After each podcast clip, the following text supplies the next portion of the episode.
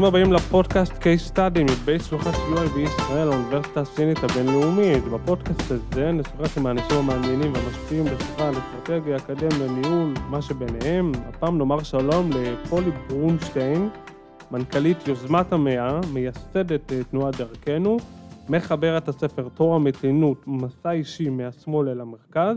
ויושבת ראש הוועדה לקידום ספורט אה, נשים בישראל, אהלן. יו, אני לא שמתי לב שיש לי טייטל כזה ארוך. עכשיו שהקראת אותו, אמרתי עוד... לעצמי, מי, מי זאת הבחורה הזאת עם הטייטל הכבד הזה? זהו, אבל אמרתי, יש עוד דברים שלא הוספתי פה, כי את גם היית בצופים, נכון? ועשית עוד אה, דברים. כן, אני יוצאת מנקודת הנחה שלא מקריב עכשיו את כל לא, הביוגרפיה שלי. זה חיים שכאלה. כן. כן. כן. לא, אבל אנחנו פה איתך, אה, כי בכל זאת... גם הוצאת בתחילת השנה ספר מאוד מצליח, מאוד מעניין, אה, מומלץ מאוד אה, למי שעדיין לא קרא, ואי אפשר להתעלם מהמשבר הפוליטי שאנחנו אה, רואים וחווים אותו, והספר שלך בעצם, אולי את יודעת מה, אולי דווקא תספרי מה הטעם המרכזית של הספר, כדי שלמי שלא עדיין... כן, אז אני אספר שכתבתי את הספר במהלך 2020, בעצם תוך כדי שהוקמה ממשלת השינוי, ותיארתי בו תהליך שאני עברתי, שבו התחלתי בעצם מהשמאל, נקרא לו השמאל האידיאולוגי, הקשה, ניהלתי את V15, שהיה בשעתו, בשנת 2015, קמפיין להפלת נתניהו, לעידוד הצבעה במחנה השמאל מרכז כדי להחליף את הממשלה. אני זוכר שתמיד ברוטשילד באותה תקופה, אי אפשר כל שישי, אני זוכר שאי אפשר כל שישי באופן קבוע, היינו יושבים שם, היינו רואים אתכם, עוברים שם עם השיירה. נכון, כן. הייתם מתחילים מדיזנגוף, נכון, זו הייתה תקופה נורא תוססת. בכלל אני חושבת שהשנים האחרונות הן כן. מאוד מאוד תוססות, גם בשמאל וגם בימין, אבל באמת השמאל אה, מ-V15 ובהמשך אחר כך הפגנות של בלפור, שאנחנו פחות היינו חלק מהם, אבל זה, אבל זה חלק מהסיפור. אני התחלתי שם, באמת ב-V15, מתוכו הקמנו אחר כך את דרכנו, אני מתארת את כל הסיפור הזה בספר, שבמהלכו אני עוברת תהליך, שמתחיל ביום שאחרי ההפסד לנתניהו. בעצם זה ה-18 במרץ. 2015. 2015, בדיוק. אני מתעוררת בבוקר ואני מבינה שאני לא מבינה. זאת אומרת, אני, אני, לא, אני לא מכירה אף אחד שהצביע לנתניהו. והוא, לא רק שהוא ניצח, הוא ניצח בבחירות האלה בגדול. הוא, נת, הוא היה הפתעה מאוד מאוד גדולה בבחירות האלה. 30, נכון אם אני לא טועה? הוא הביא 30 מנדטים, כשהסקרים צפו לו אפילו ירידה מתחת ל-20. ואני מסתכלת על התוצאות האלה ואני אומרת, אני, יש משהו שאני לא קולטת לגבי ישראל. עכשיו, בתור מישהי שהיא מרגישה כמו הפוסטר של, אתה יודע, הישראלי הממוצע והציונית הגדולה וזה, אני מסתכלת על ישראל ואני אומרת, מה? אני לא מכירה פה, מה אני לא מבינה? לא יכול להיות שאני אמשיך לגור בתל אביב, לפעול מתל אביב, בקרב אנשי שמאל ומרכז, אשכנזים, ו- ו- ולא אבין מה, מה הסיבה שבגללה אנשים אה, מצביעים לנתניהו בכזאת התלהבות, בכזאת מחויבות, ואני יוצאת למסע, וזה מסע של הקשבה, המסע של למידה. אני מתחילה, אתה יודע, אני מגיעה להתנחלויות, אני מגיעה לפריפריה, אני מדברת עם עיתונאים ימניים ועם פוליטיקאים ימניים ועם הרבה מאוד אנשים, ואני שואלת, אני פשוט מקשיבה, אני, ואני, מה אני לומדת? אני לומדת הרבה דברים, אבל בין אני, היתר אני לומדת שאף אחד בישראל לא מחזיק במאה אחוז מהאמת. זאת אומרת, כולנו חושבים שאנחנו מאוד מאוד צודקים, שהאידיאולוגיה שלנו היא האידיאולוגיה הנכונה, שהאחר הוא טועה, אה, במקרה הטוב, אגב, הוא טועה, טועה, כי הרבה פעמים אנחנו גם מייחסים לו כוונות רעות, זאת אומרת, הוא מטעה, הוא רע. אה, ואני מגלה שזה לא נכון לימין, לקבוצות אחרות בישראל שהן לא אני. אגב, ערבים, חרדים, יש להם תשובות טובות, יש להם סיפור חשוב. יש להם רצון כן, בצדק, להיות מיוצגים במדינה, בסדר? שהסיפור הישראלי יהיה גם הסיפור שלהם, שהם והשאיפות שלהם יבואו לידי ביטוי באתוס המרכזי הישראלי, ולאט לאט אתה גם מפתח אמפתיה וגם אהבה מאוד גדולה לציבורים שהם שונים ממך, וגם הבנה שכשאנחנו מייצרים את ה... לצורך העניין תקרא לזה הממלכתיות החדשה הישראלית, או באמת הנרטיב הישראלי המרכזי, או פרדיגמה ישראלית חדשה, היא חייבת לספר סיפור רחב, מכיל, של כולם, לא רק בגלל שזה הדבר הנכון, אלא בגלל שאף אחד לא מחזיק באמת. באמת אף אחד לא מחזיק באמת. אפשר אבל בעצם לומר שאת קצת היית הקלישה של השמאל, נכון? אה, בעצם במובן הזה... לגמרי. לא, אבל אבל אני, למה אני שואל, למה אני אומר את זה? כי בעצם את uh, עברת כמה תפקידים וכמה, uh, uh, בכל זאת, את, את עשית איזושהי כברת דרך, ויצא לך באיזשהו אופן להיחשף לחברה הישראלית במובנים כאלה אחרים ובתפקידים שונים. אז where have you been? זאת אומרת, איפה היית עד, עד הרגע הזה בעצם? קודם כל, אני רוצה להגיד, כן, אני תמיד הייתי שמאלנית בתפיסה העצמית שלי, ואתה יודע, המודל לחיקוי שלי תמיד הייתה שולה אלוני, אני תמיד הצבעתי מרץ.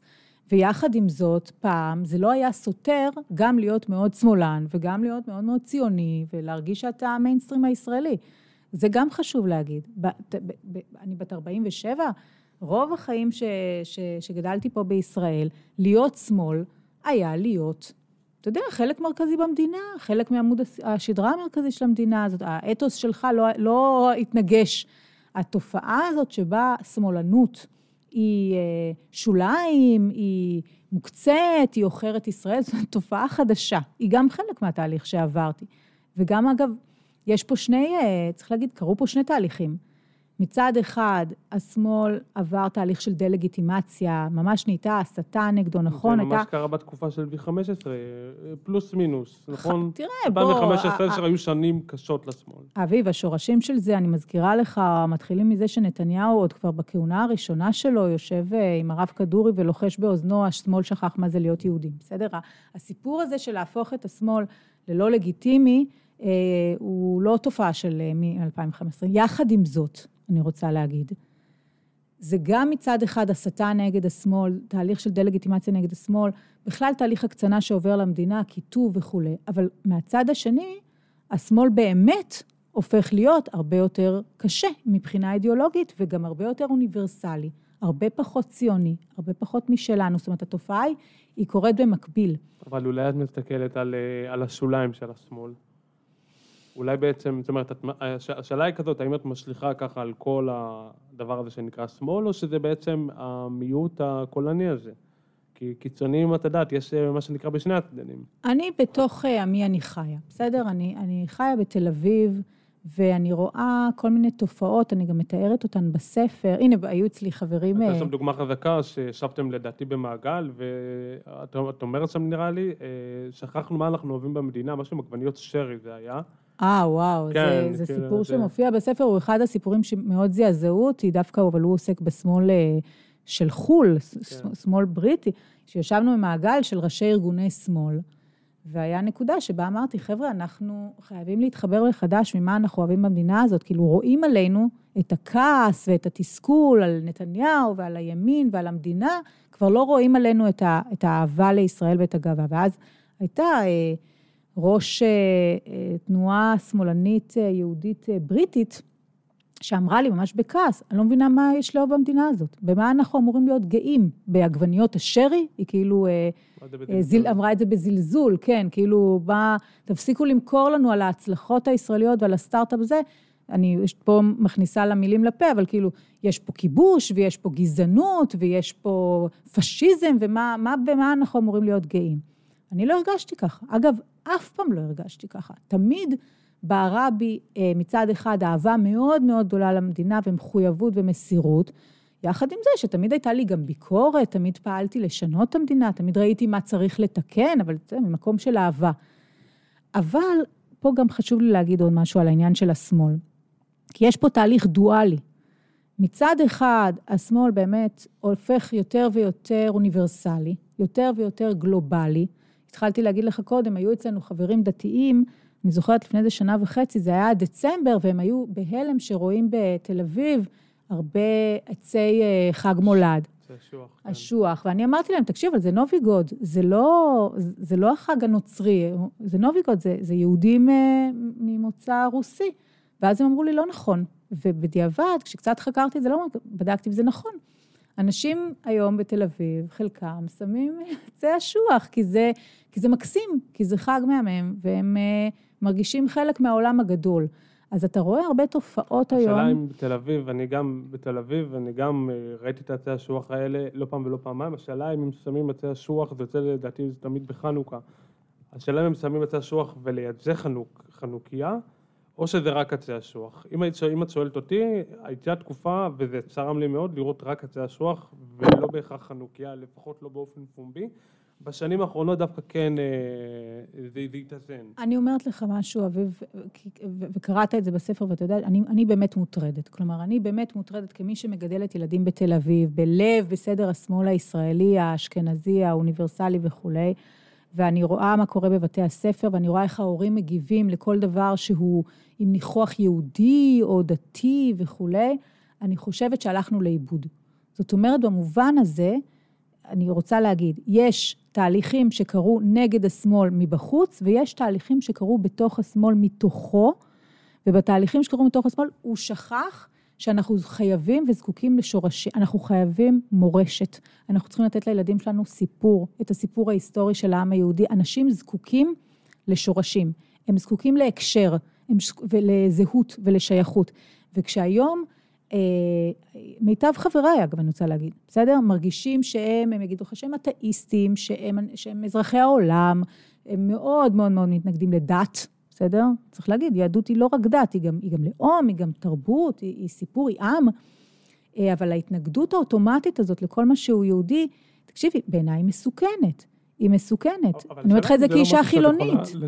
השאלה אם זה לא משהו, תופעה, סליחה, שאת יכולה להגיד, אוקיי, once שהיא מתחילה כאן, אבל מסתיימת בגדות הירקון, זאת אומרת, בהכרח מאפיינת או נמצאת בתל אביב, אולי אפילו צפון תל אביב, אני בהכללה גסה, מאשר, ואם זה ככה, זאת אומרת, למה לעשות מזה כל כך אישו? זאת אומרת, זה קהל, יש לו את המצביעים שלו, יש לו את האידיאולוגיה שלו, סביר להניח שהם אף פעם לא יצליחו בבחירות. אז זאת אומרת, אז למה לשנות? שיהיה את הקהלים האלה, שיהיה את ההטרוגניות הזאת. כן. והטוב, ו- ומי זה- שיהיה טוב אני שינצח. מסכימה איתך מאוד, אביב. אני היום לא כי בסוף מוטרדת. אנחנו שבטים. תראה, קודם כל צריך להגיד, כוחו של השמאל הזה אה, מאוד מאוד הצטמצם. זאת אומרת, במהלך המסע הזה שאני מתארת בספר שלי, שמתחיל נגיד ב-2015, בבחירות 2015, והשיא שלו הוא איפשהו בתוך ארבע מערכות הבחירות האלה של 19 ו-20, אה, השמאל התכווץ לעשרה מנדטים. אם אני לא טועה, הוא היה 29, נכון? ב-2015, בין המחנה הציוני ומרץ. כן, ואז היה את המפה, את הפירוק של המחנה הציוני, ואז התחיל כל, באמת, ואז היה... אז, כן, בחירות. ובסופו של דבר בבחירות הראשונות של הסבב הזה, האינסופי שאנחנו נמצאים בו עכשיו, השמאל התכווץ לעשרה מנדטים. זה לא היה דבר כזה בהיסטוריה, זה, זה, זה השמאל של אה, מפא"י, זה השמאל שהקים את המדינה, זה השמאל שהקים את הקיבוצים ואת מוסדות המדינה ובנה אותה במשך 30 שנה. אז צריך רגע להגיד, הקריסה קרתה, היא לא קרתה בגללי אגב, היא, לא, היא לא קרתה אתם רק בגלל נתניהו. מה? היא, נכון היא. קרתה כי בדיוק בגלל מה שאמרת. אגב, בדיוק בגלל שאמרת זה נגמר בגדות הירקון, אז אני לא אתן לזה אה, גבולות גיאוגרפיים, אבל אני אגיד, כי השמאל הזה, שהוא לא מרגיש, שהציונות היא לא בוערת בעצמותיו, שהוא לא... ש, שיהדו, שיהודית ודמוקרטית, בסדר? זה לא בהכרח הציר המרכזי שמוביל אותו, השמאל הזה הוא זה שהתכווץ. אז במובן הזה, תקשיב, אין בי כעס, אין בי, אני רק אומרת, זה לא שמאל שיכול להציע לישראל לנהל את המדינה. זאת אומרת, זה לא שמאל של מפלגת שלטון. הרי בסוף, מה אנחנו מנסים להגיד? יש בימין אלטרנטיבה היום מאוד חזקה, בסדר? אידיאולוגית, מנהיגותית, ארגונית, יש היום שם אלטרנטיבה מאוד חזקה. האם בצד השני השמאל היום יודע להציע אלטרנטיבה חזקה לסיפור הזה? בעיניי חד משמעית לא. אבל עכשיו- הנה, מרב מיכאלי... אה, מה עשתה- מרב מיכאלי? עומדת כרגע במנדט- בסקרים על חמישה לא, אבל מנדטים. אין בעיה, היא החזירה, היא הביאה שבעה מנדטים בכנסת האחרונה. נו, אה, תראה על מה אנחנו מדברים כבר. אנחנו- אני מזכירה לך שכששלי יחימוביץ' הביאה, לא זוכרת כמה זה היה, 16, 12, משהו כזה, 13 לדעתי. כן, זה היה גוואלד נוראי, זה זה היה סוף העולם. היום אנחנו אומרים תודה אם, אה, אה, מפלגת העבודה תחזור לשבעה, שמונה מנדטים. אז, אז צריך להגיד, רגע, שנייה, חשוב לומר, בסדר? יש כמובן חשיבות מאוד מאוד גדולה לקולו של השמאל האידיאולוגי. חד משמעית. באמת, יושב היום על, על, על העולם של זכויות אדם ואזרח, כמו שאף אף, אף אחד אחר במדינת ישראל. זה קול חשוב, חשוב שיילחם, חשוב שיהיה קיים, חשוב שיהיה חזק. שמחתי מאוד על הנוכחות הדומיננטית שלו בממשלה האחרונה, בממשלת השינוי, ויחד עם זו, מה שהתחלתי לעזות, זה מה שהתחלתי להגיד קודם, זו לא האלטרנטיבה למה שמציע היום הימין. בעצם מה אני אומרת היום, אביב? האלטרנטיבה היא המרכז, אוקיי? מרכז ישראלי עם עומק, עם אה, כוח, עם יכולות ארגוניות, עם יכולות מנהיגותיות, ש, שהוא קוהרנטי, שהוא מביא סיפור ישראלי מעודכן, שיש בו אלמנטים של פעם, אבל גם יש בו אלמנטים מעודכנים וחדשים שהם רלוונטיים להיום, שהוא מאוד יהודי ומאוד דמוקרטי, זו האלטרנטיבה, אבל צריך לבנות אותה, צריך לייצר אותה. ואת בעצם מגיעה לחלק של הלבנות, זאת אומרת, תכף נדבר על מה את עושה ביום-יום, אבל, אבל אני רוצה לשאול, זה לא קצת אוטופי? כי אנחנו רואים שגל פופוליזם מטורף מתרגש על, ה, על העולם, את רואה מה קורה בארצות הברית עם ההפלות, וטראמפ, שכבר הוא לא בשלטון, אבל רואים כבר את הבאות. וגם פה בישראל אנחנו רואים שבן גביר וסמוטריץ' שהם נהיים המנהיגים, את בעצמך אמרת, השניים אה, פופולריים, הכי פופולריים בישראל. בן גביר היה סדין אדום עד לפני כמה זמן. להבדיל מהם, גם את הצלע אנחנו רואים שהוא פתאום מתחיל, אה, הוא, הוא נמצא בלב ה... לא רוצה להגיד קונצנזוס, אבל הוא הפך להיות דמות שמקבלת חשיפה אה, במיינסטרים. ואני שואל, האם יכול להיות ש, שדווקא הפופוליזם הוא זה שגובר? יכול להיות שדווקא אנחנו הולכים יותר אחורה, גם פופוליזם, כל... גם שמרנות? אביב, ודאי, מה זאת אומרת, בוא, בוא לא נתבלבל, ודאי שהפופוליזם גובר. הפופוליזם היום בתנופה אדירה, הוא בתנופה אדירה בישראל ובכל העולם. ואנחנו רואים מנהיגים, אה, אגב, תמיד אנחנו פה, נתניהו, נתניהו. בוא, נתניהו הוא, הוא סימפטום, הוא סימפטום של, ה, של המצב שאנחנו נמצאים בו, הוא לא זה שהניע את, ה, את האירועים בעצמו, כי אנחנו עובדה שאנחנו רואים אותו, אותם בכל העולם ומנהיגים אה, כמותו, ואני רוצה להגיד שאתה, בוודאי שאתה צודק, זה הכוח המרכזי היום בעולם. זה, אבל, מצד שני, אנחנו רואים את, התמור, את זה כתמרור אזהרה.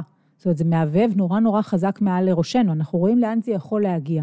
למשל, אתה מסתכל על ארצות הברית, על אירועי השישי בינואר, אה, שבו המון אה, מוסת על ידי נשיא ארצות הברית, מסתער על הקונגרס, בסדר, הורג בדרך כמה אנשים, מה, מה, מה החבר'ה האלה התכוונו לעשות? אבל אתה מבין שזה כבר אפשר לדמיין, זה לא מסובך לדמיין מלחמת אזרחים אמריקאית, נכון? אפשר, ראינו את זה בעיניים, אז אנחנו יודעים, אנחנו יודעים להגיד איך זה מתחיל, מתי נורית הירייה הראשונה ואיך זה נראה. גם בישראל היה לנו פה מהומות מאי, נכון? של 21, שנראו נורא דומה לאיך מתחילה מלחמת אזרחים. ממש ראינו בעיניים איך מציאות יכולה להידרדר לאובדן שליטה מוחלט, אזרחים אה, הורגים אזרחים אחרים, ממש ככה. אז ברגע שיש לנו, אנחנו רואים איך זה נראה, אוקיי? אז אין לנו ברירה אלא לפתח את הכוח הממלכתי, הפרגמטי, המתון, הממורכז, שיבוא ממול, כי אם הוא לא יבוא, הרי תמיד מדברים על תנועה של מטוטלת, נכון? התנועה המאוד מאוד חזקה של המטוטלת. אנחנו אומרים את זה עכשיו על MeToo, אומרים ש MeToo הוא בעצם האפקט המטוטלת תמיד אמרו לה, אז אמרו חכו ליום שהמטוטלת תחזור חזרה. נכון, אבל... ואפשר אבל... להגיד שאולי טיפה גם קצת רואים את זה עם המשפט של אמבר הרד, האקסית של ג'וני דפ.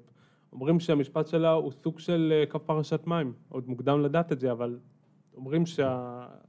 הרי מה, אני לא רוצה להיכנס לזה, אבל כל הסיפור פה היה זה שהיא טענה שהוא גבר אלים והוא אה, אה, פגע בה וכולי, ובעצם מסתבר שהיא שקרה. כן. אז זה סוג של, יכול להיות שזה גם איזושהי מראה לבאות. אני מאוד מקווה שלא. תראה, בתור מי שכתבה ספר שנקרא תור המתינות, כן? אני רוצה להגיד שאנשים כמוני, שתופסים את עצמם כמתונים, מנסים בכוח לתפוס את המטוטלת כשהיא נמצאת באמצע, באמצע התנופה חזרה לצד הקיצוני השני, לעצור אותה ולעצור אותה במרכז.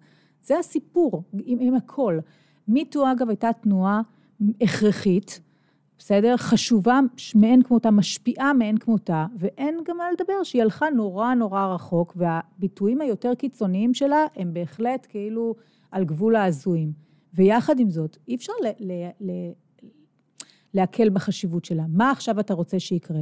שהמטוטלת חוזרת בחזרה, היא לא תחזיר אותנו אחורה בזעם לתקופה שבה כמו שאתה רואה בארצות הברית, אגב, שזו דוגמה בעיניי יותר טובה לתשובה מג'וני דפ ואמבר הרד. זה מה שקרה עכשיו בבית המשפט העליון עם, ה, עם הביטול של רו ורסס וייד והנושא של ההפלות. זה, זה הביטוי הכי חזק של המטוטלת חוזרת אחורה. טראמפ הוא הביטוי הכי חזק של המטוטלת חוזרת אחורה. אנשים ראו איך נראית דמוקרטיה ליברלית בביטוי הכי קיצוני שלה, הכי טוטאלי, חצי מהציבור האמריקאי, ואני מניחה שגם הישראלי, שמח והיה מבסוט ואמר יופי, ככה צריך להתנהל, וחצי מהציבור האמריקאי, ואני מניחה שגם הישראלי אמר, הם השתגעו, זה טירוף, מה זה? גבר זה לא גבר, אישה זה לא אישה, אין ערכי משפחה, אה, נשים אה, שולטות בעולם ועושות הפלות כמה שהן רוצות. זאת אומרת, זה המטוטלת. עכשיו השאלה אם היא תחזור בזעם ותעיף אותנו, את כולנו, לכיוון ההפוך, לשמרנות קיצונית, בסדר? לדמוקרטיה מוחלשת, לפופוליזם אה, על סטרואידים, או שנצליח לעצור אותה איפשהו באמצע. ופה, אביב, אני ואתה דיברנו על זה לפני שהתחלנו להקליט, נכנס, נכנס הסיפור של ממשלת השינוי, שחזינו בהקמתה, וחזינו בקריסת, לא קריסתה, אבל התפרקותה. התפרקותה. נכון? ואז אפשר להגיד, אוקיי, זה לא עבד. אבל אני אגיד, לא, לא, לא, דווקא אני מאוד מעודדת. מאוד מעודדת מה, מהסיפור של ממשלת השינוי. כי ממשלת השינוי היה בדיוק על לעצור את המטוטלת הזאת בחריקת בלמים באמצע, ולהגיד, לא, יש אלטרנטיבה שהיא אלטרנטיבה מגוונת, רחבה, אה, מתונה מאוד, אה, מכילה מאוד. זה לא עבד, כי לא הייתה מוכנות, לא היה סיפור, זה לא היה קוהרנטי. אה, לא היה לזה עומק, עוד לא היו שורשים. זה היה כאילו סוג של סלעים, את יודעת, יש עתיד והמשותפת, לא משותפת, רע"מ, וכל אחד כאילו, את יודעת, שם את הפיסת בת שלו, שבסוף היא לא החזיקה, היא החזיקה מעמד, זה כמו שאתה קונה נעל, סליחה על הביטוי, אה, ב... לא יודע, בזיוף שעולה 30 שקלים, כן. אז הוא יחזיק מעמד אולי תקופה, אבל בסוף הוא, הוא ייפרם. רגע, רגע, אז בוא נמנה, היו המון בעיות לממשלת השינוי, בסדר? בואו נתחיל מזה שאתה ממשלה שהוקמה באמת, כשחלקים ממנה... אה, אה, בציבור שלהם יצרו המון המון כעס בעצם הקמתה, זאת אומרת, כי הם הבטיחו הבטחות מסוימות ולא עמדו בהן אז קודם, אז קודם כל. אחר כך, צריך להגיד, באמת לא היה בייצוג אה, של הפריפריה הישראלית ושל של המגזר המזרחי הישראלי. באמת הייתה מפלגה, קואליציה מאוד מאוד מאוד אשכנזית. לא רק בפרצופים שהרכיבו את ראשי המפלגות, אלא גם בסיפור בסדר? היא לא, היא לא הביאה את הקול המזרחי. אמ, אז זה גם דבר, זאת הייתה בעיה. אבל הדבר הכי ברור הוא שזו קואליציה שהוקמה בלית ברירה בשביל להשיג הישג אחד או שניים, שבוא נגיד שההישג הזה הוא, בוא נדאג שלא יהיו בחירות תקציב, חמישיות, ונעביר תקציב מדינה בדיוק, וגם נדאג שנתניהו לא יהיה ראש ממשלה. זה פחות או יותר, זה השלושה דברים שהקימו את הממשלה. לא בחירות חמישיות, בואו נעביר תקציב מדינה ונדאג שנתניהו לא יהיה ראש ממשלה. כל השאר, אנחנו לא מסכימים. ובגלל שזה הוקם, באמת, על שום דבר, לא הייתה שום תשתית רעיונית מעבר לזה, בסדר? לא היה פה סיפור משותף מאחד. לא ישבו כל ראשי מפלגות הקואליציה הזאת ואמרו אחד לשני, עכשיו בואו בוא נגיד מה כן. מה כן? למה כן התכנסנו? לא, בסדר, תקציב ו, ו, ולא לבחירות. מה הסיפור שאנחנו מספרים לישראל? מה האתוס הישראלי של הממשלה, שהממשלה הזאת מובילה? סביב, סביב מה אנחנו חוגגים את הישראליות, את המשותף בינינו, מרע"מ ועד ימינה.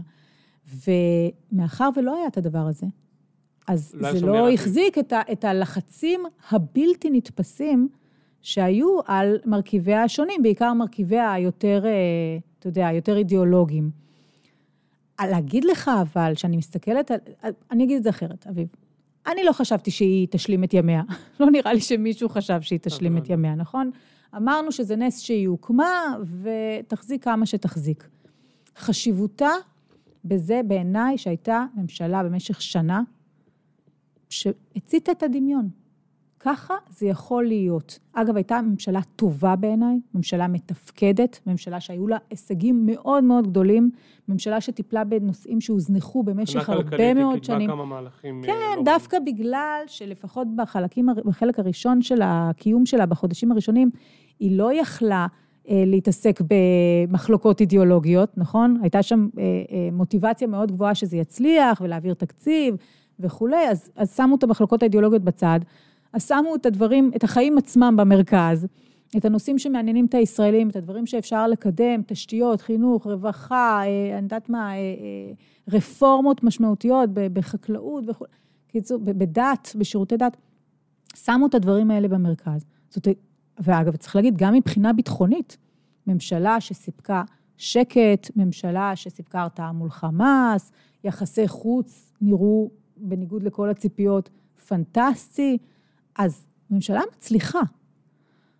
עכשיו, האם היא קרסה? ודאי, ו- וזה היה צפוי. עכשיו נשאלת השאלה, אוקיי, מה קורה עכשיו? האם היא פרצה את הדרך לפרדיגמה חדשה? האם הממשלה שתבוא אחריה תהיה אה, רחבה יותר, תציע סיפור כלל ישראלי עם עומק ורוחב משמעותי, תהיה בעלת קונצנזוס ולגיטימציה, מה הכוונה? שכל חבריה יהיו כאלה שאמרו כבר בתקופת הבחירות, זו הממשלה העדיפה עלינו, אנחנו רוצים בממשלה הזו. אמ, ואז אולי, ואז אולי אפשר יהיה באמת להקים. אני מקווה אגב שיהיו בה אלמנטים נוספים, שחרדים ישבו בממשלה הבאה. בסדר? אבל, אבל זה נראה שאנחנו כל כך מפולגים, וזה שוב, אני חוזר למה שאמרתי קודם, אנחנו כל כך מפולגים וכל כך שבטיים, שגם אם עכשיו הימין וואן שיקים ממשלה, זה יהיה על הקשקש, זאת אומרת זה יהיה גם 61, אנחנו רואים את זה בעצם בסקרים. ואני חושב שאף אחד כרגע לא מעסיק אותו את הסיפור הישראלי, כי כולם רוצים לשרוד. אז עכשיו אנחנו ניכנס לאיזה מין לופ כזה, היה פה אביב בושינסקי לא מזמן, הוא גם אה, אמר שאנחנו נמצאים באיזשהו סוג של אה, תקדים שכל שנה, שנה וחצי בממוצע יכולות להיות מערכות בחירות, זה תרחיש אימים, אני חושב שזה ממש אה, פגיעה קשה, לא בדמוקרטיה, ברעיון הזה שנקרא מדינה מתפקדת. והשאלה אם, אז כל, כל הרעיונות האלה של סיפור ישראלי, מציאת פתרון שתי המדינות, זה כבר לא הופך להיות אה, חזון אה, אוטופי. רגע, אמרת ש... פה שני דברים שונים, אמרת סיפור ישראלי ואמרת שתי מדינות. לא, נתתי את זה כדוגמה כדי... שני נושאים שונים. לא, אז אני, אז אני אחדד שוב. הכוונה, אם, אם אנחנו רוצים לדבר גם על לספר את הסיפור הישראלי, שזה one, דבר אחד חשוב בפני עצמו, ודבר שני, אם אנחנו רוצים לקדם דברים, לקדם אה, יוזמות שהן הכרחיות, כמו למשל אה, עניין אה, קידום הפרדת שתי המדינות, וקידום שלל נושאים רעיוניים ומדינ, ומדיניים. השאלה אם בכלל אנחנו לא נמצאים שם בכלל, זה לא ב state of mind שלנו, אנחנו קודם כל עסוקים בלשרוד.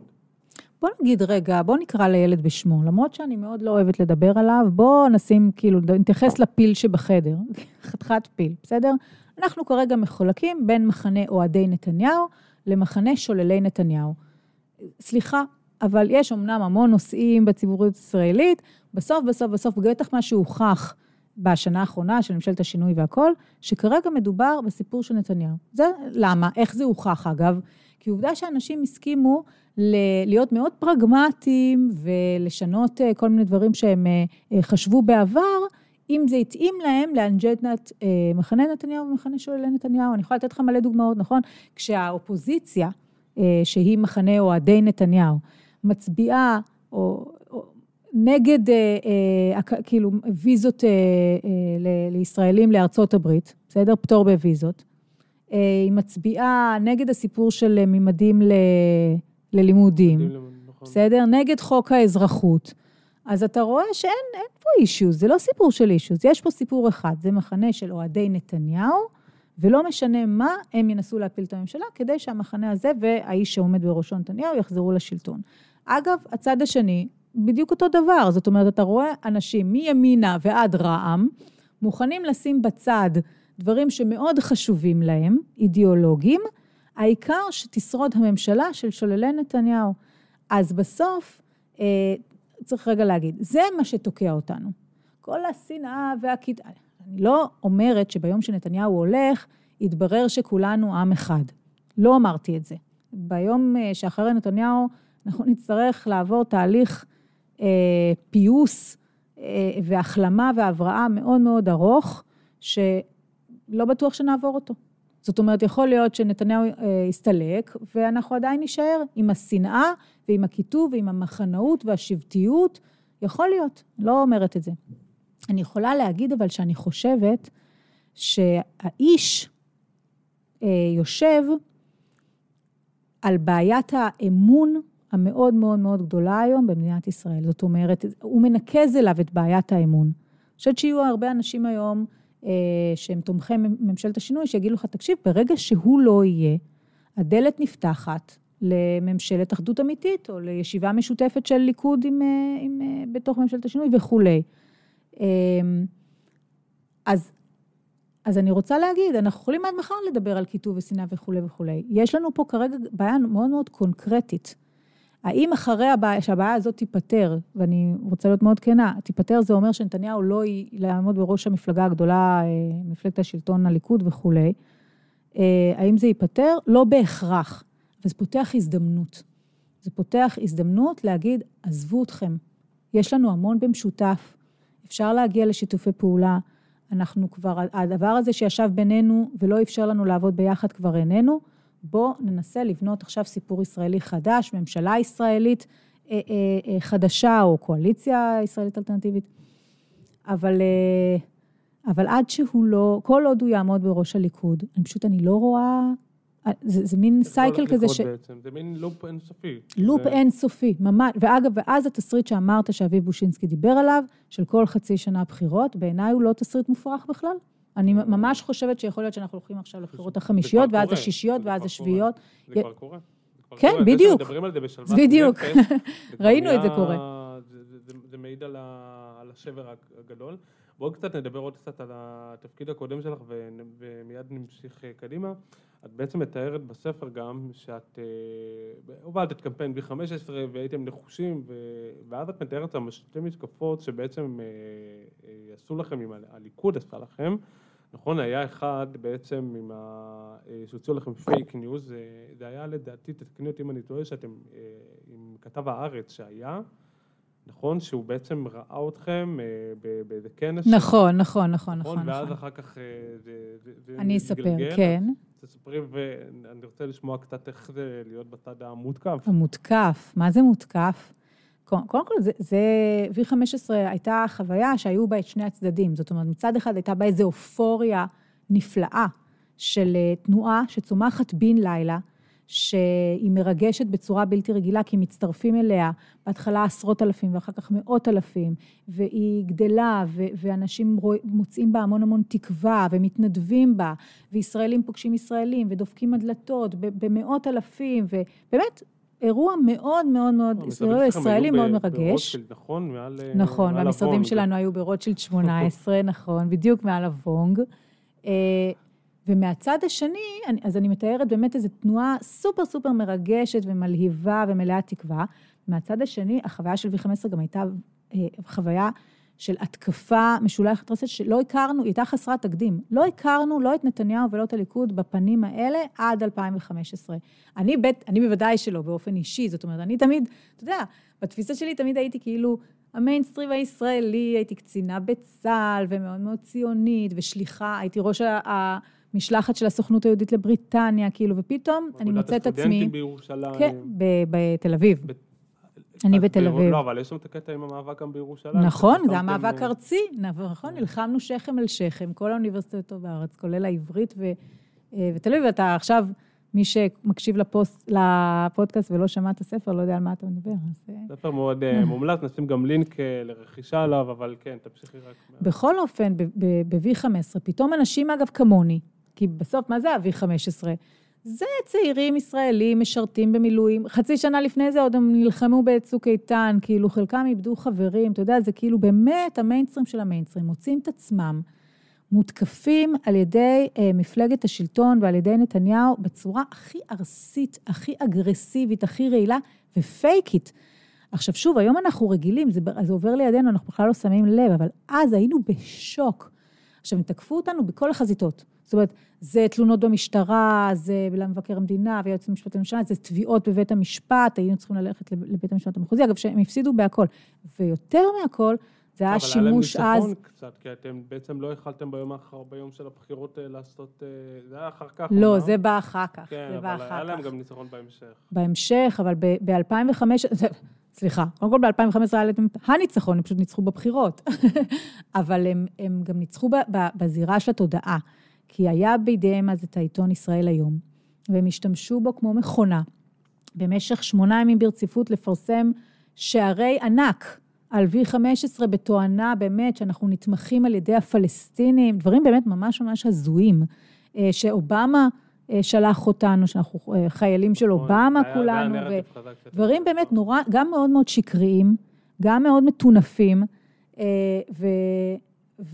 ועשו לנו, עכשיו, איזה קטע, כי אני עד היום שומעת, היום אני, יש לי המון חברים ימנים ומתנחלים ומכל הסוגים, ואני עד היום שומעת את ההדהוד הזה של הסיפורים האלה, שמאיפה הגיע הכסף, שהיינו, באמת, ש, שמדובר בשמאל קיצוני, ואתה יודע, זה לא מצחיק. זה לא מצחיק, אנחנו... איך, איך מתמודדים זה עם משבר כאילו, ענק. איך אתם, אה, אוקיי, once אתם רואים כתבה בישראל היום, וכל התקשורת מתעסקת בזה, או את יודעת, אה, ככה זה מתחיל סדר יום בעצם. איך, כאילו, מה הייתה, מה, מה היה בעצם עמדת ההגנה שלכם? איך אתם התחלתם להיערך לזה? אבל זה היה תחילתו של, ה, של הפילוג הישראלי, מה הכוונה? אתה בנקודה מסוימת מבין שאתה מפסיד את המלחמה בצד הימני של המפה, כי שם כבר, שם באמת המכונה עובדת נגדך. תקשיב, זה, זה, אני נותנת בספר דוגמאות, זה, זה כל הארגונים של הימין, פרסמו עלינו דברים ממש ממש מכוערים. לדעתי חלקם אולי היום קצת מצטערים על זה, באמת דברים ממש רעילים ולא יפים. אה, כל העיתונים, האתרים, התנועות הימניות מהדהדות את אותו סיפור, אתה הפסדת שם, אין לך שום סיכוי. ומצד שני, יש לך חצי מדינה שהיא, דווקא בגלל ההתקפה הזאת, היא הכי אוהדת אותך בעולם. אתה מקבל חיבוק שאי אפשר לתאר מאנשי שמאל מרכז, בסדר? אתה מלך העולם, אתה, אנשים זורמים לתוך הסניפים שלנו, אנשים מגיבים אלינו באהבה גדולה, בחיבוק מאוד מאוד גדול, ו, וזה בדיוק הרגע שבו המציאות מתפצלת. ופה צריך להבין, אנחנו חיים במציאות מפוצלת.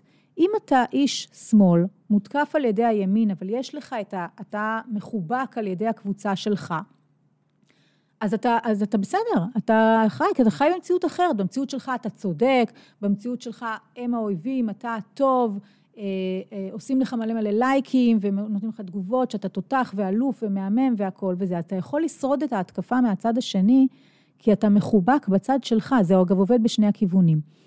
אני, כשאיבדתי, אז לחטוף התקפה מהימין, זה לא נורא.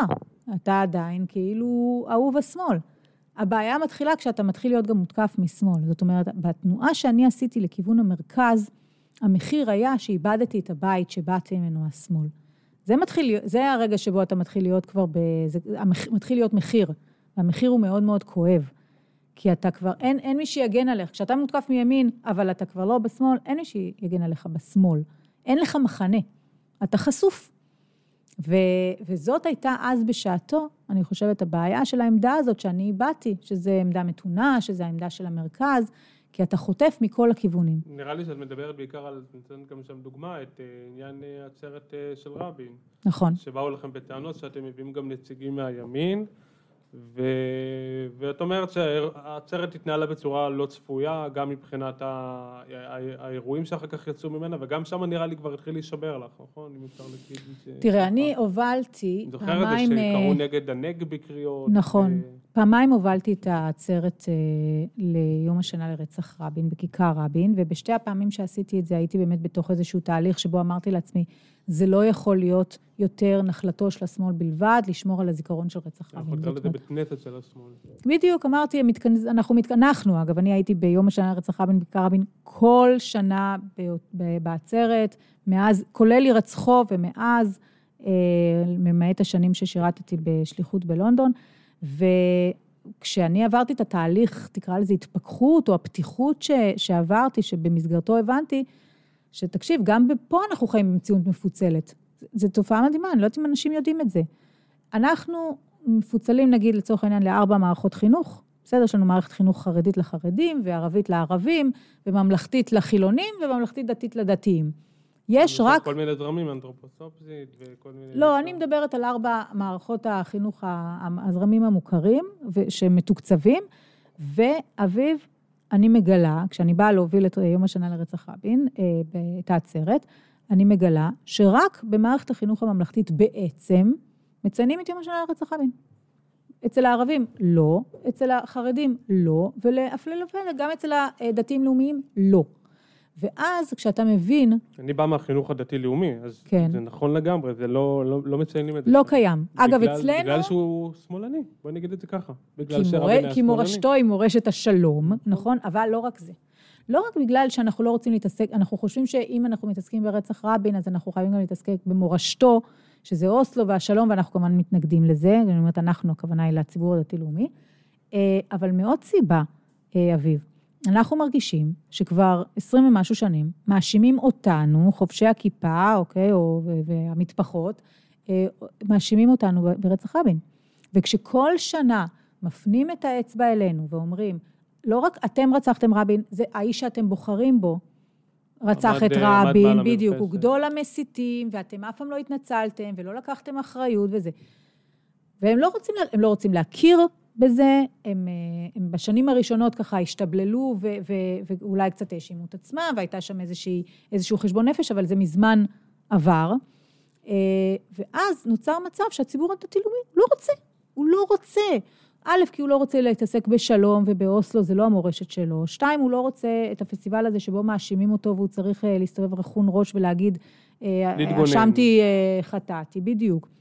ואתה מגיע למצב שבו רק הילדים החילונים בישראל הם אלה ש... אתה יודע, עושים טקסים ומנהלים דיונים ועושים שיחות על למה אלימות זה אף פעם לא הדרך, ועל הדמוקרטיה, ועל זה שרצח אף פעם לא יכול להיות הדרך שלנו להתמודד, או בכלל אלימות עם המחלוקות בינינו וכולי. וכל השאר, לא. עכשיו, האם יש משהו, האם יש איזשהו אירוע יותר דרמטי, יותר משמעותי מרצח רבין, שמחייב אותנו כעם לשבת ביחד ולהגיד, את זה אנחנו לא שוכחים, את הרגע השפל הזה אנחנו לא שוכחים, אנחנו נזכרים למה זה קרה לנו, ואנחנו מוודאים שזה לא יקרה לנו יותר אף פעם, אנחנו מחנכים את ילדינו להבין שזאת אף פעם, אף פעם לא הדרך, ודאי שלא, אין אירוע אחר, זה האירוע. אנחנו לא עושים את זה. ואז, סביב כל מה שאמרתי עכשיו, ככה ניגשנו, התנועה שלי אה, ואני, דרכנו, אה, והיו אז גם המפקדים למען ביטחון ישראל איתנו, למשימה של ליצור עצרת שבה כולם נמצאים על הבמה, ערבים, חרדים, מתנחלים, אה, אה, שמאלנים, חילונים וכולי, ולא ידענו למה אנחנו נכנסים. זה 2017, שיאו התחילו לצייץ של ה... נגדכם בטוויטר, אה, וואי, שלי יחימוביץ אפילו, כולם. ש... יודעת, קראת בספר, תקשיב, זה היה כל כך חריף. נראה לי ואני גם זוכר את זה בזמן אמת. כן. אני זוכר את זה בזמן אמת. זאת הייתה, תקשיב, היה, מה זאת אומרת, זה, זה, זה ברמה שבמרץ אה, קראו להחרים את העצרת, הם עשו את זה שנתיים אגב ברציפות, ברציפות. היה ממש רעיל. הייתה התקפה, היא קודם כל הייתה גם מאוד אישית. וחוץ מזה, גם ברמה האידיאולוגית היא הייתה מאוד מאוד מאוד חריפה. עכשיו, מה מצחיק? למה פתחתי את הספר במילים, אמרתי לכם? כי אני חושבת שבדיעבד, אחרי שהוקמה ממשלת השינוי, אותם אנשים שתקפו אותנו על העצרת הזאת שבה הזמנו מתנחלים אל הבמה והעזנו להביא אותם ביום השנה לרצח רבין למרכז הכיכר בתל אביב, הרגישו אחרת. זאת אומרת, כשהשמאל הבין, כשהוא הולך לשבת בממשלה עם איילת שקד ונפתלי בנט ואביגדור ליברמן וגדעון סער ואלקין וכולי, ויועז הנדל, והם הולכים להיות בעצם האנשים שפותרים להם את הבעיה. הם הולכים להיות אלה שמאפשרים להם לחזור אל הממשלה, הם יהיו האנשים שהולכים להם לעז- לעזור להם לוודא שנתניהו לא יהיה זה שיוביל את ישראל וכולי. אז פתאום הבינו את מה שאנחנו ניסינו להגיד אז בכיכר, שאנחנו חייבים למצוא אה, בעלי ברית לדברים שחשובים לנו, שאנחנו חייבים ליצור בישראל קואליציות מפתיעות, שאנחנו אין טעם להחרים אה, קבוצות שלמות בחברה הישראלית ולהניח עליהם את ההנחות הגרועות ביותר, שרק באמת בשיחה ובמשא ומתן ובשיתוף פעולה וביצירה של איזה משהו משותף, אפשר לצאת מהמשבר שאנחנו נמצאים בו. אבל אז, כשעשינו את עצרת רבין, אף אחד לא ראה את זה. זאת אומרת, הייתה באמת מין אה, בדלנות שמאלנית. מאוד מאוד מאוד טהרנית, כן. ואני מתארת בספר גם איך אה, סדר גודל של שנתיים, שלוש אחרי זה, קיבלתי טלפון מאלדד יניב, שהיה אחד ממנהיגי המחאה הגדולה של, של אותה עצרת רבין, ובאותה שיחה הוא אמר, תקשיב, אני לא ראיתי את זה אז, אבל התגובה הנכונה באותה עצרת רבין הייתה הפוכה. מה שהשמאל היה צריך לעשות כשצחי הנגבי בא לכיכר רבין ביום השנה לרצח רבין, זה לחבק אותו. הוא אמר, במקום זמבורות שלא נתנו לו לדבר, היינו צריכים למחוא לו כפיים שהוא לא יוכל לדבר. היינו צריכים לתת לו תחושה שהשמאל יודע להעריך ולחבק את מי שמוכן לבוא להשתתף. בערכים, בדיוק להושיט יד, להשתתף בערכים שחשובים לו. אגב, לצחי הנגבי היה נאום מאוד יפה ומרגש באותו ערב. גם שם עם הנאומים את אה, מספרת שם, זה חצי פולקלור, חצי אה, אה, כאילו קצת ביקורתיות, אבל נכון, על כל הסדר של הנאומים, נותנת שם הצצה מעניינת. קצת אה, רכילות אה, פוליטית, לא, כן. אבל זה נחמד. תגידי רגע, כן. ובואי שנייה נדבר על מה שאת עושה היום, את בעצם מנכ"לית קרן המאה. יוזמת אה, המאה. יוזמת המאה, סליחה. נכון. אה, מה מה אתם עושים?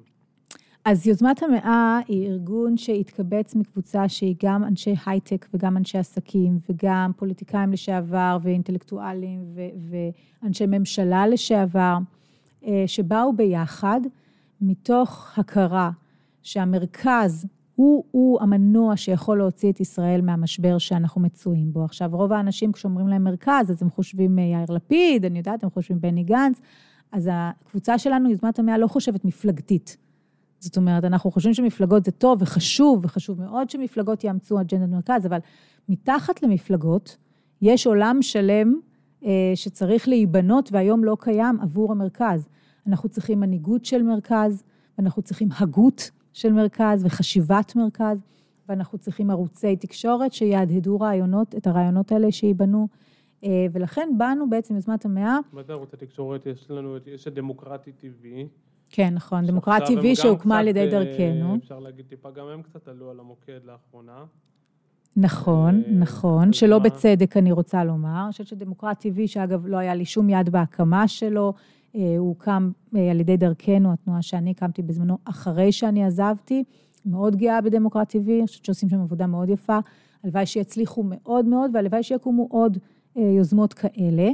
אה, אני חושבת שמה שאתה מדבר עליו עכשיו בתקשורת, שמדברים על דמוקרט טבעי בהקשרים אה, של הון שלטון וכולי, אני ממש ממש לא מסכימה עם התזה הזאת, זה לא נכון. אני מסכים איתך אגב לגמרי, אני חושב שזה בדיוק המקום שהטהרנות כבר, שזה כבר טהרני ולא באמת להבין את המצב.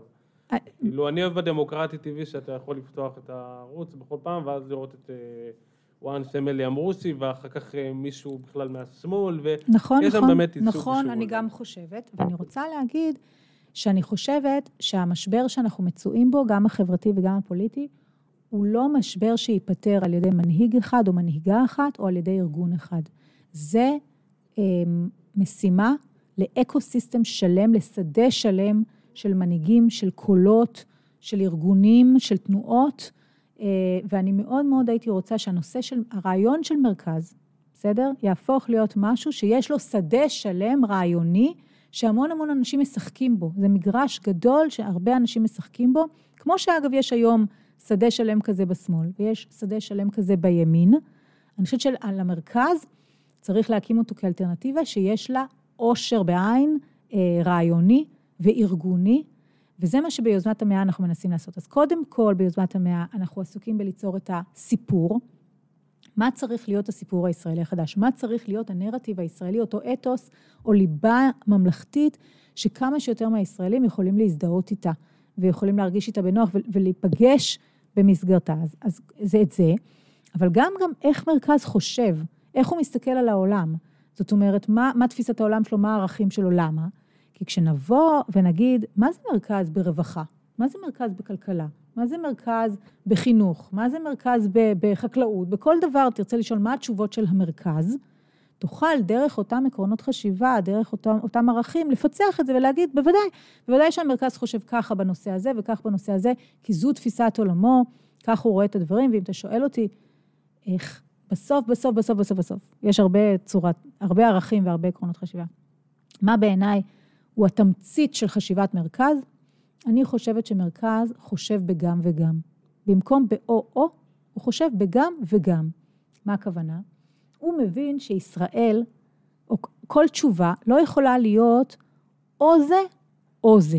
לא, נגיד, ישראל לא יכולה להיות מדינה או דמוקרטית או יהודית. היא צריכה למצוא את האיזון בין יהודית ודמוקרטית. היא צריכה למצוא את האיזון בין ליברלית לשמרנית. ישראל לא יכולה להיות רק מדינה ליברלית. אני אומרת לך את זה כשמאלנית, חילונית. אבל היא גם לא יכולה להיות רק שמרנית. היא לא יכולה להיות רק מזרח או רק מערב. היא לא יכולה להיות רק מודרנית או רק מסורתית. היא צריכה להיות גם וגם. עכשיו, למה? למה ישראל צריכה להיות גם וגם? א', כי דמוגרפית אין פה רוב. אין רוב בישראל, אין רוב שיכול להגיד לא, לא, לא, אנחנו 80 אחוז שמרנים, אז ישראל תהיה בדמות. לא. אה, יש פה אה, אה, דמוגרפיה שלא מאפשרת הכנעות. היא לא מאפשרת לך להגיד, אני עכשיו, אני השגתי רוב מוחץ וישראל תהיה בדרכי. אבל זו התשובה הטקטית. ומה אתם עושים בפועל ביום? רגע, חכה, כן. רק אני אגיד. זו התשובה הטקטית. האמת היא שישראל צריכה להיות גם וגם, בגלל שזה הדבר הנכון. כי אתה לא יכול לדרוס ציבורים שלמים. אתה לא יכול להגיד לאנשים, אתם לא תהיו מיוצגים באתוס הכללי. עשינו את זה אגב בעבר, וזה לא עובד, לא עובד. אנשים רוצים להיות מיוצגים, אנשים רוצים שהסיפור שלהם ותפיסת עולמם תבוא לידי ביטוי באתוס המרכזי של המדינה. ואנחנו יותר ויותר מבינים את זה. נגיד, ראו את זה בחגיגות יום העצמאות האחרונות, נכון? אתה רוצה לראות על הבמה גם את עצמך, אבל אתה תצטרך לראות גם את הציבורים האחרים. אתה צריך לשמוע גם אה, ערבית, אין מה לעשות. זה חלק מישראל, אבל אתה צריך גם לראות אנשים עם אה, מטפחות על הראש, ונשים שלא לוחצות ידיים אה, לנשיא ארצות הברית. זה, זה חלק מישראל, וצריך ללמוד לקבל את זה. ישראל צריכה להיות גם וגם. ואז כשאתה בא לפתור דברים, אני לא אומרת, ברור שהרבה פעמים צריך להכריע. נכון, אתה אומר, אוקיי, לפעמים צריך להכריע.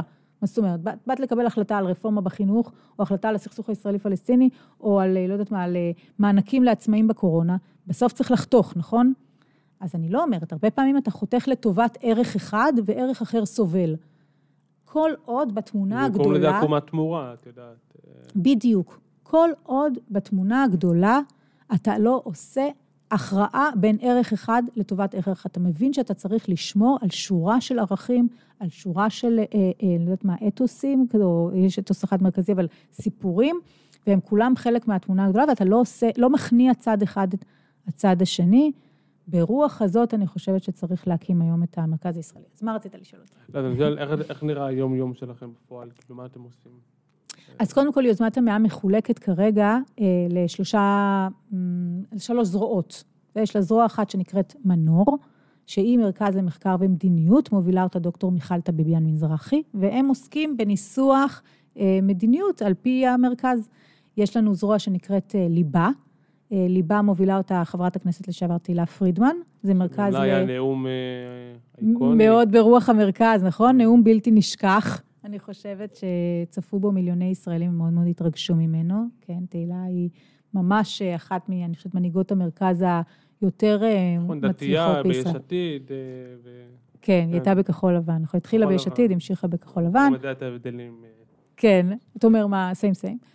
תהילה מובילה את ליבה, שזה מרכז ההכשרות והמנהיגות שלנו, ששם באמת יש לנו איזשהו עניין לייצר כמה שיותר קולות שהם נושאים את ה-DNA הזה, נשאים, אנחנו קוראים לזה, של ה-DNA של המרכז, כמה, ש... עתודה בעצם, את עתודת המנהיגות הישראלית שתקום מהמרכז ותשרת לא רק את הפוליטיקה הישראלית, את הכל, את האקדמיה, את, ה, אה, את התקשורת, את, אה, את החברה האזרחית וכולי. אה, ויש לנו מרכז שבימים אלה חוגג שם חדש שנקרא רבדים, של אנשי הייטק, שאותם אנשי הייטק... כן, זה... הייטקיסטים, למרות שקובי רכטר כבר גם, כבר הרבה שנים, אבל... זה הייטקיסטים צעירים. זה קבוצת הייטקיסטים מצליחים וצעירים. וכל היוניקורנס וכאלה? ממש ככה, כן, כן. זהו, עכשיו הכסף עכשיו בא להם אה, פוליטיקה. אתה יודע, אפשר להיות ציני, לא, ואפשר להסתכל על לא? קבוצה מהממת, אגב, של ישראלים, שזה מעניין, אני חייבת לספר לך ברמה האישית, כן? אני, אני מסתכלת על החבר'ה האלה, הם בגיל שלי פחות או יותר, התחלנו באותו מקום, נכון? הם היינו בתנוע, בתנועת הנוער ועשינו צבא, ואז כאילו התפצלו דרכנו. אני הלכתי לעולם של החברה, לעיתונות ואחר כך לחברה האזרחית, והם הלכו לקודד. ככה אני אומרת להם, הלכתם, התחלתם לקודד. ובאמת ב-20, 25, 30 שנה האחרונות הם בעולמות ההייטק. אמ, אבל בעצם אנחנו אכלנו מאותו מסטינג, זאת אומרת, הם ישראלים אה, אכפתיים ושמאוד רוצים להיות מעורבים. בסדר? הם מאוד מאוד מאוד אוהבים את המדינה. הם יכלו לגור בכל מקום בעולם. באמת, העולם פתוח בפניהם לחלוטין, אבל הם בוחרים להיות פה ומגדלים ילדים פה. ואחרי שהם מצליחים, בסדר? כי הייטק זה קשוח. אתה עובד מהבוקר עד הלילה, אתה לא רואה בעיניים, אתה מדבר רק אנגלית, אתה כל היום בנסיעות וזה, אבל ברגע שאתה מצליח, מכרת, הנפקת, אה, אני יודעת, ויש לך רגע אחד, אתה מרים את הראש ואתה מסתכל מסביבך ואתה אומר, אני רוצה להתגייס, לטובת מדינת ישראל. ומצאנו בהייטק מצבור אנושי, באמת של הון אנושי, לא מהעולם הזה. באמת מנהיגות ישראלית ש, שהמון המון שנים כבר נמצאת בהייטק, אבל אין סיבה שהיא לא תגייס את היכולות שלה ואת הכוחות שלה ואת הניסיון שלה ואת הכסף שלה לטובת המשימות האלה, הישראליות המרכזיות. ולכן יש לנו גם זרוע כזו, שבעצם של הייטקיסטים שבאמצעות יוזמת המאה הם לומדים את ישראל, לומדים את ישראל אגב מתוך המרכז, זאת אומרת לומדים ממש את כל, ה, את כל החברה הישראלית. לומדים ערבים, לומדים סכסוך ישראלי-פלסטיני, לומדים מתנחלים, לומדים פריפריה, לומדים אה, אה, את, ה, את הבעיות של הממשלה, את בעיות המשילות, ומתגייסים לטובת ניסיון לפתור. באמצעות היכולות, אגב, שלהם יש, הם לא יכולים לפתור הכל מן הסתם, כן. יש גם הרבה דברים שהם לא מבינים, אבל טכנולוגיה הם מבינים, וחדשנות הם מבינים, מאוד יצירתיים, לנסות לגייס כן את היכולת הזאתי, לנסות להתמודד עם חלק מהבעיות המרכזיות. אז, אז ככה אנחנו פועלים ביום-יום. אנחנו רוצים גם להקים בהמשך אה, גוף תקשורת אה, ותוכן, שוב, שיפיץ ויהדהד רעיונות עצמא, מרכז. כאילו בצורה עצמאית, מן הסתם, אני מניח. כן. משהו בסגנון דמוקרטי טבעי. כן, ו... כן, כן, כן, כן, כן, לגמרי. אני חושבת שהיום עובדים ערוצים כאלה לימין ולשמאל, וזה נהדר, אגב, אני, אני מאוד בעד. אני חושבת שבתוך שוק הרעיונות הזה, אבל הישראלי, אנחנו רוצים שיהיה כל מרכז שיפסיק, אני אגיד לך מה, זה, זה, אולי זה הכי קל להבין. אני לא רוצה שאנשים ימשיכו להגיד לי, כשאני אומרת שאני אשת מרכז, אני לא רוצה שיגידו לי, מרכז? מה זה מרכז? אה, זה, אין לזה דעה, זה פרווה, אין לזה עמוד שדרה, זה, זה, זה התקרנפות, זה כלום. בסדר? מה זה מרכז? זה כלום. זה האמצע בין ימין לשמאל. אני לא מרגישה ככה. אני מרגישה שמרכז זה תפיסת עולם עשירה ורלוונטית. והוליסטית. והולי, ונכונה לישראל. שיכולה לקבל הרבה מאוד השראה גם מימין וגם משמאל, אבל גם יכולה ליצור סינתזות לחלוטין חדשניות ואחרות. והיא-היא התשובה, ולכן המשימה שלי ושל יוזמת המאה ש... ושל החברים שלי ביוזמת המאה, זה לוודא שתוך אה, כמה שנים, גם לך אביב וגם לכל האנשים שמקשיבים לנו ולכל הישראלים, יהיה ברור שמרכז עומד מאחורי זה דעות, דעות מוצקות, תפיסת עולם, תשובות, רעיונות, מדיניות, אנשים, ולא רק מפלגות. היום יש מפלגות מרכז, אגב, תמיד היו, זה נורא נורא חשוב, אבל זה לא מספיק. מה? נכון, הייתה מפלגת המרכז, והייתה קדימה, יש יש עתיד, הייתה כחול לבן, לפני זה, אגב, גם היה אה, רפי, והייתה דש, מרכז תמיד היה פה, הוא פשוט אף פעם לא שרד. אה, בגלל, אני אטען, שהסיבה שכל פעם קמו מפלגות מרכז, היה בגלל שיש ביקוש, בסדר? ישראלים רוצים להצביע למרכז. ישראלים מרגישים שהם מתונים ושהם אנשי מרכז. עובדה שיש ביקוש תמיד, אז הן קמות, אבל הן אף פעם לא שורדות. אני חושבת שהסיבה שהן לא שורדות, זה שהן לא יושבות על תשתית רעיונית מספיק אה, מוצקה. ובמובן הזה, אנחנו לא מפלגה ולא נהיה מפלגה, אנחנו רוצים להיות אלה שבונים את התשתית ש... של המרכז, שעליה אחר כך, יכולות לשבת מפלגות ולהוביל באמצעות ה... התשתית הזאת, אבל... את אה, מאמינה שעכשיו עוד כמה שנים, מתי בעצם יהיה דברים שהם, שאפשר יהיה לראות אותם או לאמוד אותם, מבחינת המוחשיות שלהם? קודם כל, כנסו כבר, ל... אפשר להיכנס כבר לאתר שלנו, של יוזמת המאה. אנחנו לאט לאט מעלים שם עוד ועוד חומרים שקשורים למה זה מרכז. עקרונות החשיבה של המרכז, מילון מרכז, מרכז. בקרוב אפשר יהיה להצטרף להרבה מאוד מההכשרות שלנו, של ליבה, שהם עושים מרכז ההכשרות והמנהיגות שלנו, ואנחנו נתחיל להוציא החוצה חומרים ונעבוד גם ברשת החברתית. אנחנו קיימים רק שנה, אה, ואנחנו לא ממהרים, כמו שאמרתי לך, אנחנו לא עושים עבודה בבחירות האלה, אנחנו לא באים לעשות מפץ, זה לא קמפיין, זאת עבודה ארוכת שנים, לעומק, אה, שאני מקווה שתוך כמה שנים אני לא מעניין אותי אם יכירו את יוזמת המאה או לא, אני, מעניין אותי אם אנשים ירגישו שצמח פה מרכז ישראלי, ושהוא האתוס המוביל את ישראל. וכדי להגיע לכם דרך האתר, נכון? או דרך, ודרך הפייסבוק, נכון? אם אה, מי שמחפש אתכם. לא, אנחנו לא, עדיין לא בפייסבוק, אבל אפשר לעשות בגוגל יוזמת המאה ולמצוא את האתר שלנו, לקרוא עלינו קצת. בסדר גמור, אז גם מוזמנים, מי שמעניין אותו אה, לעשות גוגל ולהגיע אליהם. אה, טוב, הגענו לסיום. תודה רבה שהיית כאן. יואו, אביב, עבר מהר, כאילו, איזה כיף, שיחה ואם יש לכם רעיונות לאורחים נוספים או שאלות נוספות, אתם כמובן מוזמנים להציע לנו אותם, אנחנו נמצאים בכל פלטפורמת הפודקאסטים, אה, ונתראה בפרק הבא. להתראות.